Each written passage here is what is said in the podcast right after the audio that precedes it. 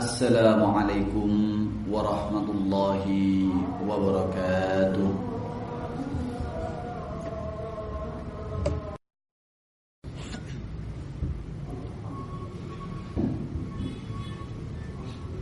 إن الحمد لله نحمده ونستعينه ونستغفره ونعوذ بالله من شرور أنفسنا من سيئات أعمالنا من يهده الله فلا مضل له ومن يضلل فلا هادي له.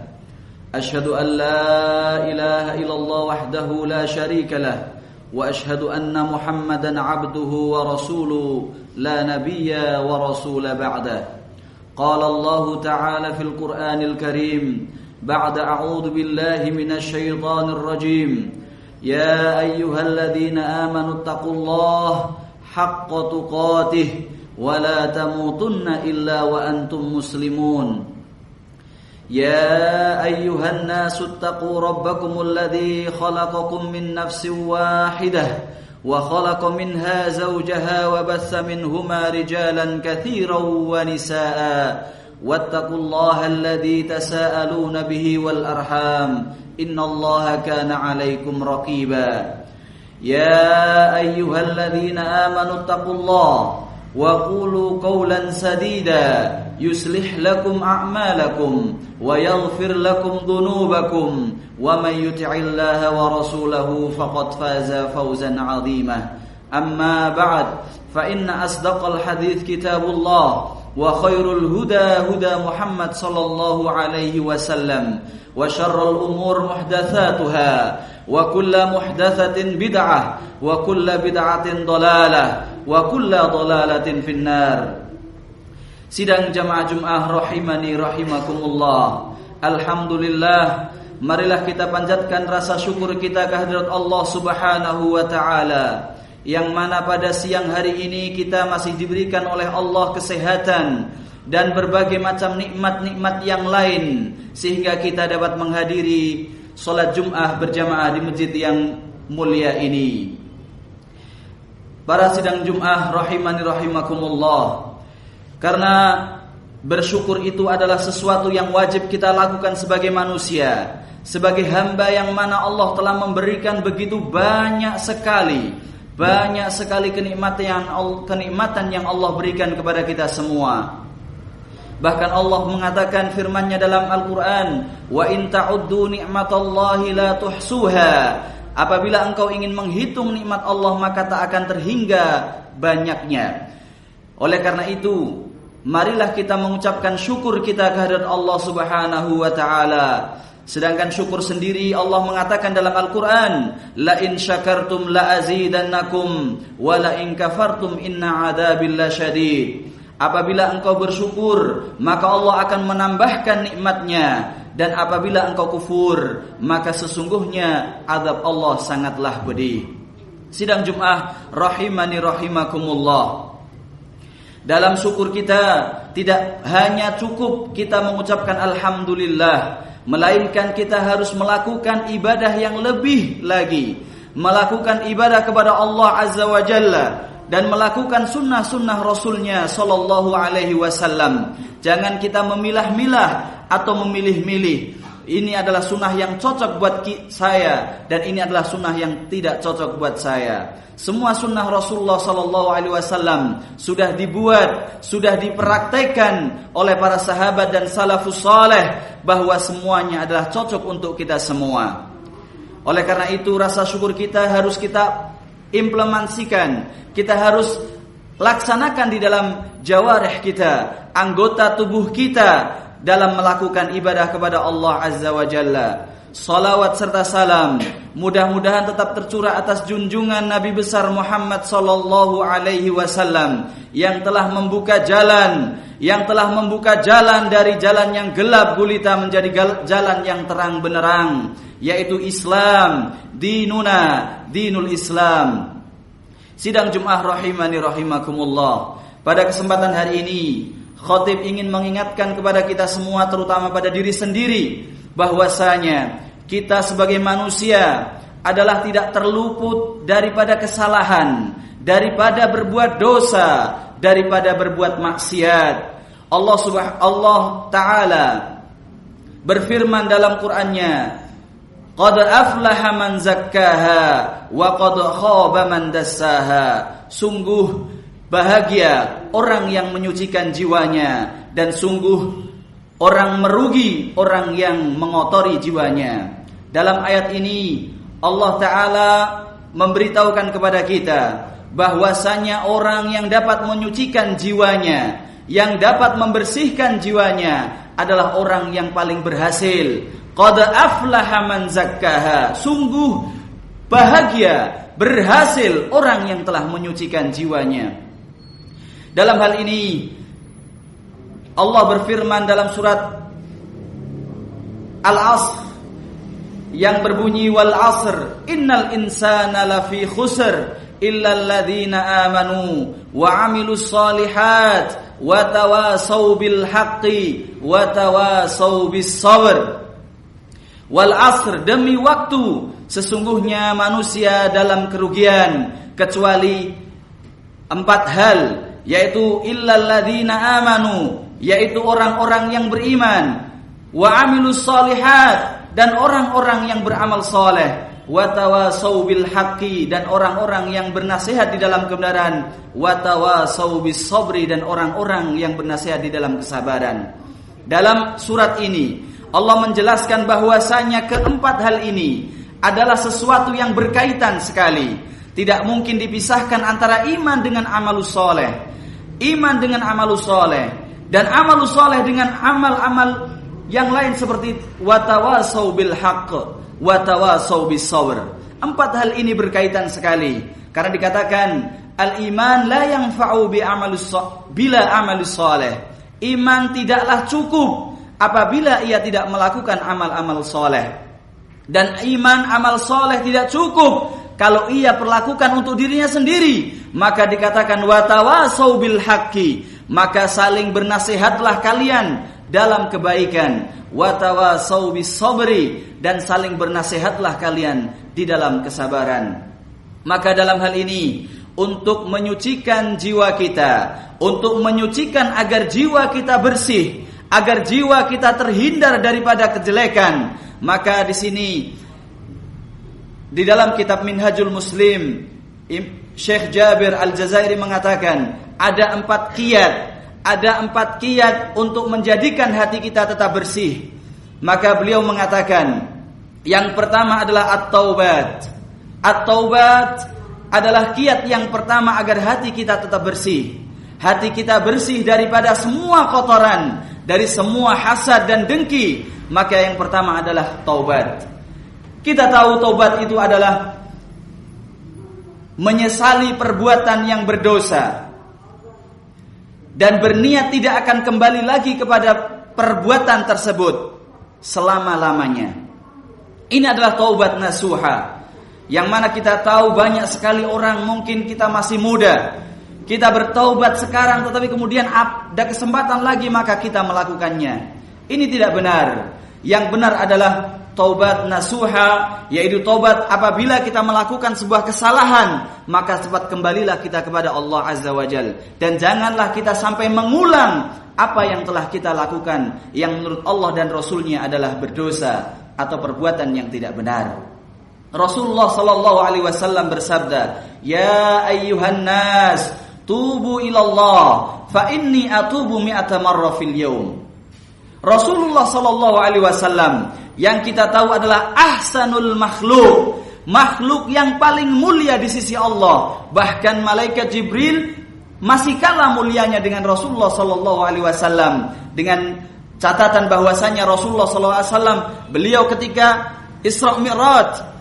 Ketika diantar oleh malaikat Jibril, malaikat Jibril hanya sampai di Sidratul Muntaha saja. Kemudian Rasulullah disuruh naik sendirian karena mengatakan bahwasanya hanya engkaulah yang mampu bermuajah kepada Allah Azza wa Jalla.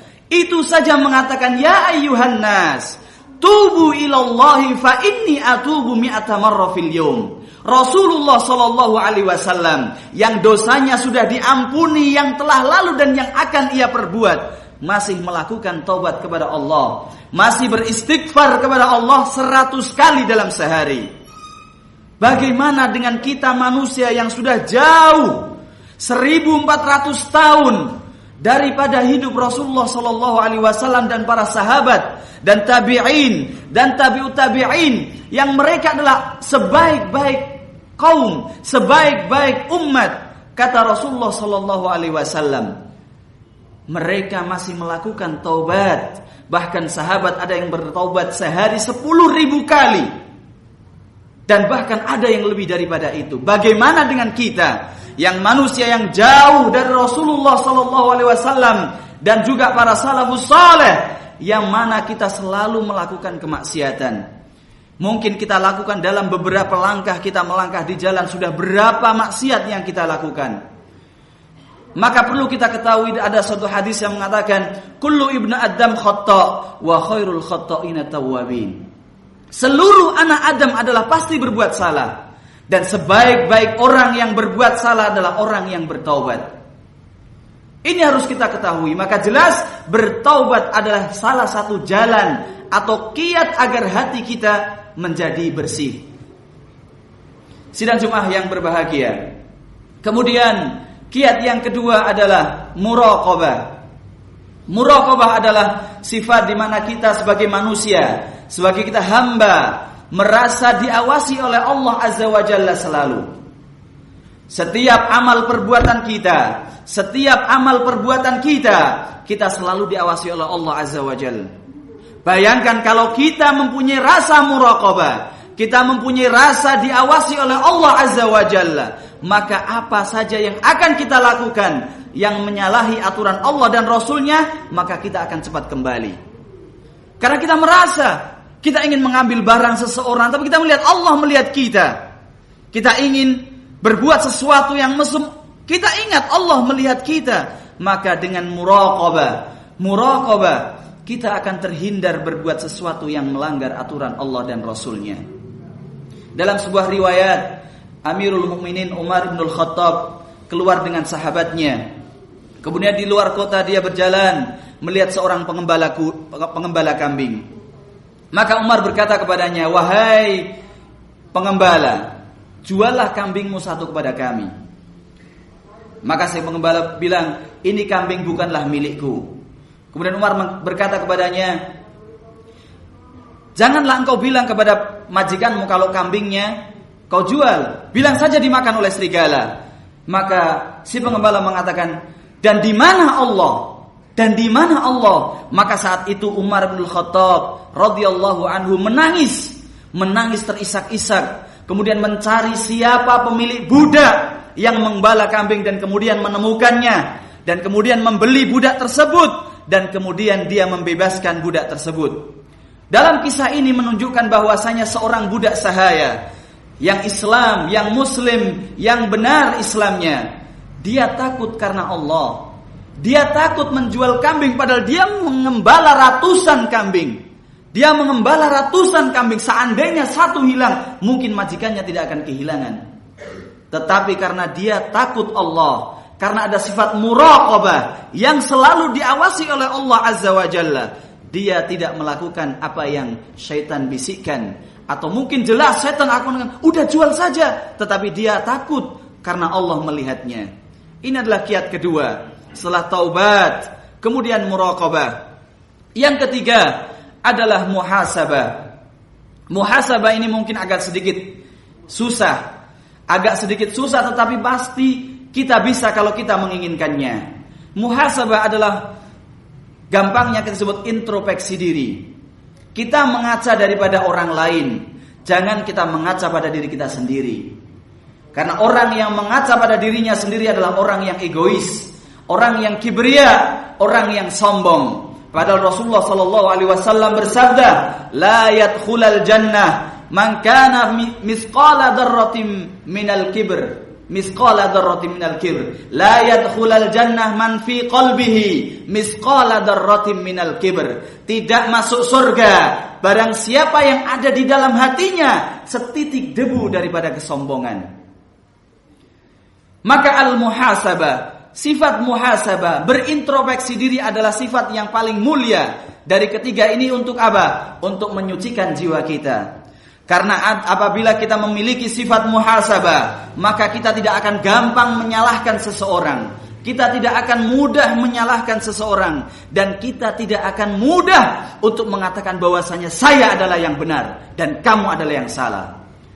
Banyak sekali orang-orang yang sekarang yang melakukan hal demikian, baik orang tua terhadap anaknya, atasan terhadap bawahannya, senior terhadap juniornya, mereka selalu melakukan hal ini dan itu sudah jelas tidak benar. Kita boleh tahu, kita boleh buktikan Seorang ayah apabila dia mampu mengatakan salah kepada anaknya, maka insya Allah anaknya akan lebih hormat kepadanya. Karena zaman sekarang sudah sering kita melihat, sering kita melihat bahwasanya orang tua selalu mengatakan bahwasanya kamu adalah anak dan kamu adalah yang salah. Walaupun tidak 100%, tetapi kebanyakan daripada kita selalu menyalahkan anak walaupun anak kita yang benar. Maka mari kita koreksi kita usahakan atau suami terhadap istrinya selalu istri yang disalahkan. Ini salah kamu, anak begini salah kamu, padahal juga mungkin ayahnya yang salah. Maka dalam sifat muhasabah, dalam berintrospeksi diri, Allah dalam Syekh Jabir Al-Zazari mengatakan bahwasanya apabila kita mempunyai sifat muhasabah, berintrospeksi diri, maka insya Allah untuk menyucikan jiwa kita akan semakin lebih mudah kembali. Kemudian yang keempat adalah mujahadah. Mujahadah di sini adalah bersungguh-sungguh di dalam menjauhi larangan-larangan Allah dan Rasulnya. Kita tahu bahwasanya musuh utama kita bukanlah orang Yahudi atau Nasrani ataukah orang-orang yang di lain agama Islam tetapi musuh kita yang utama adalah jiwa kita sendiri. Coba perhatikan bapak-bapak. Apabila kita melihat anak kecil. Dia memakai pakaian. Dia memakai sendal. Dia makan dan dia minum. Apa yang mereka lakukan? Pasti mereka melakukan dengan tangan kiri. Kaki kiri. Dan bahkan mereka sambil berlari-lari. Kalau kita tidak mengingatkan dari dia masih kecil, maka jelas dia sampai besar akan melakukan hal demikian. Dalam Islam Rasulullah SAW telah mengatakan apabila makan kul biyaminik makanlah dengan tangan kanan. Ini menunjukkan bahwasanya manusia mempunyai dua sisi, sisi yang baik dan sisi yang buruk. Apabila sisi yang buruk tidak dikawal dengan yang baik, maka kita akan kalah dan anak itu akan besar dengan lebih besar sifat jeleknya. Maka dengan mujahadah, bersungguh-sungguh di dalam kita beribadah, menjauhi segala larangan Allah dan Rasulnya, insya Allah kita akan menjadikan jiwa kita menjadi suci, menjadikan jiwa kita menjadi bersih dengan empat kiat yang tadi saya sebutkan. Yang pertama adalah bertaubat, yang kedua adalah muraqabah, yang ketiga adalah muhasabah dan yang keempat adalah mujahadah. Insyaallah kita akan menjadi orang-orang yang disebutkan di dalam Al-Qur'an qad aflaha man zakkaha. Sungguh beruntung orang yang telah menyucikan jiwanya. أقول قولي هذا واستغفروا لي ولكم إنه هو الغفور الرحيم.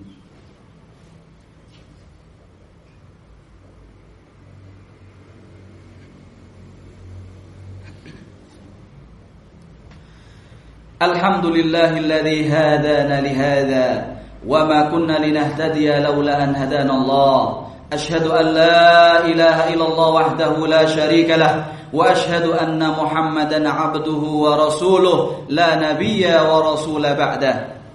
يا أيها الذين آمنوا اتقوا الله حق تقاته ولا تموتن إلا وأنتم مسلمون. يا أيها الذين آمنوا اتقوا الله وقولوا قولا سديدا يصلح لكم أعمالكم ويغفر لكم ذنوبكم ومن يطع الله ورسوله فقد فاز فوزا عظيما أما بعد Sidang Jumat rahimani rahimakumullah. Pada khutbah yang kedua ini, khotib mengajak diri pribadi dan juga jamaah Jumat rahimani rahimakumullah kita meminta kepada Allah agar Allah selalu menjaga hati kita tetap bersih dari godaan syaitan dan juga godaan pada syaitan kita sendiri yang mana kita sering kita sering diajak oleh diri kita sendiri melakukan sesuatu yang buruk, sesuatu yang tidak diperintahkan oleh Allah dan Rasulnya.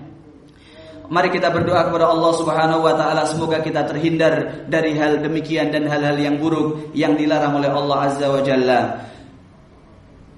Inna Allah wa malaikatahu yusalluna 'alan nabi ya ayyuhalladzina amanu sallu 'alaihi wa sallimu taslima Allahumma salli 'ala Muhammad wa 'ala ali Muhammad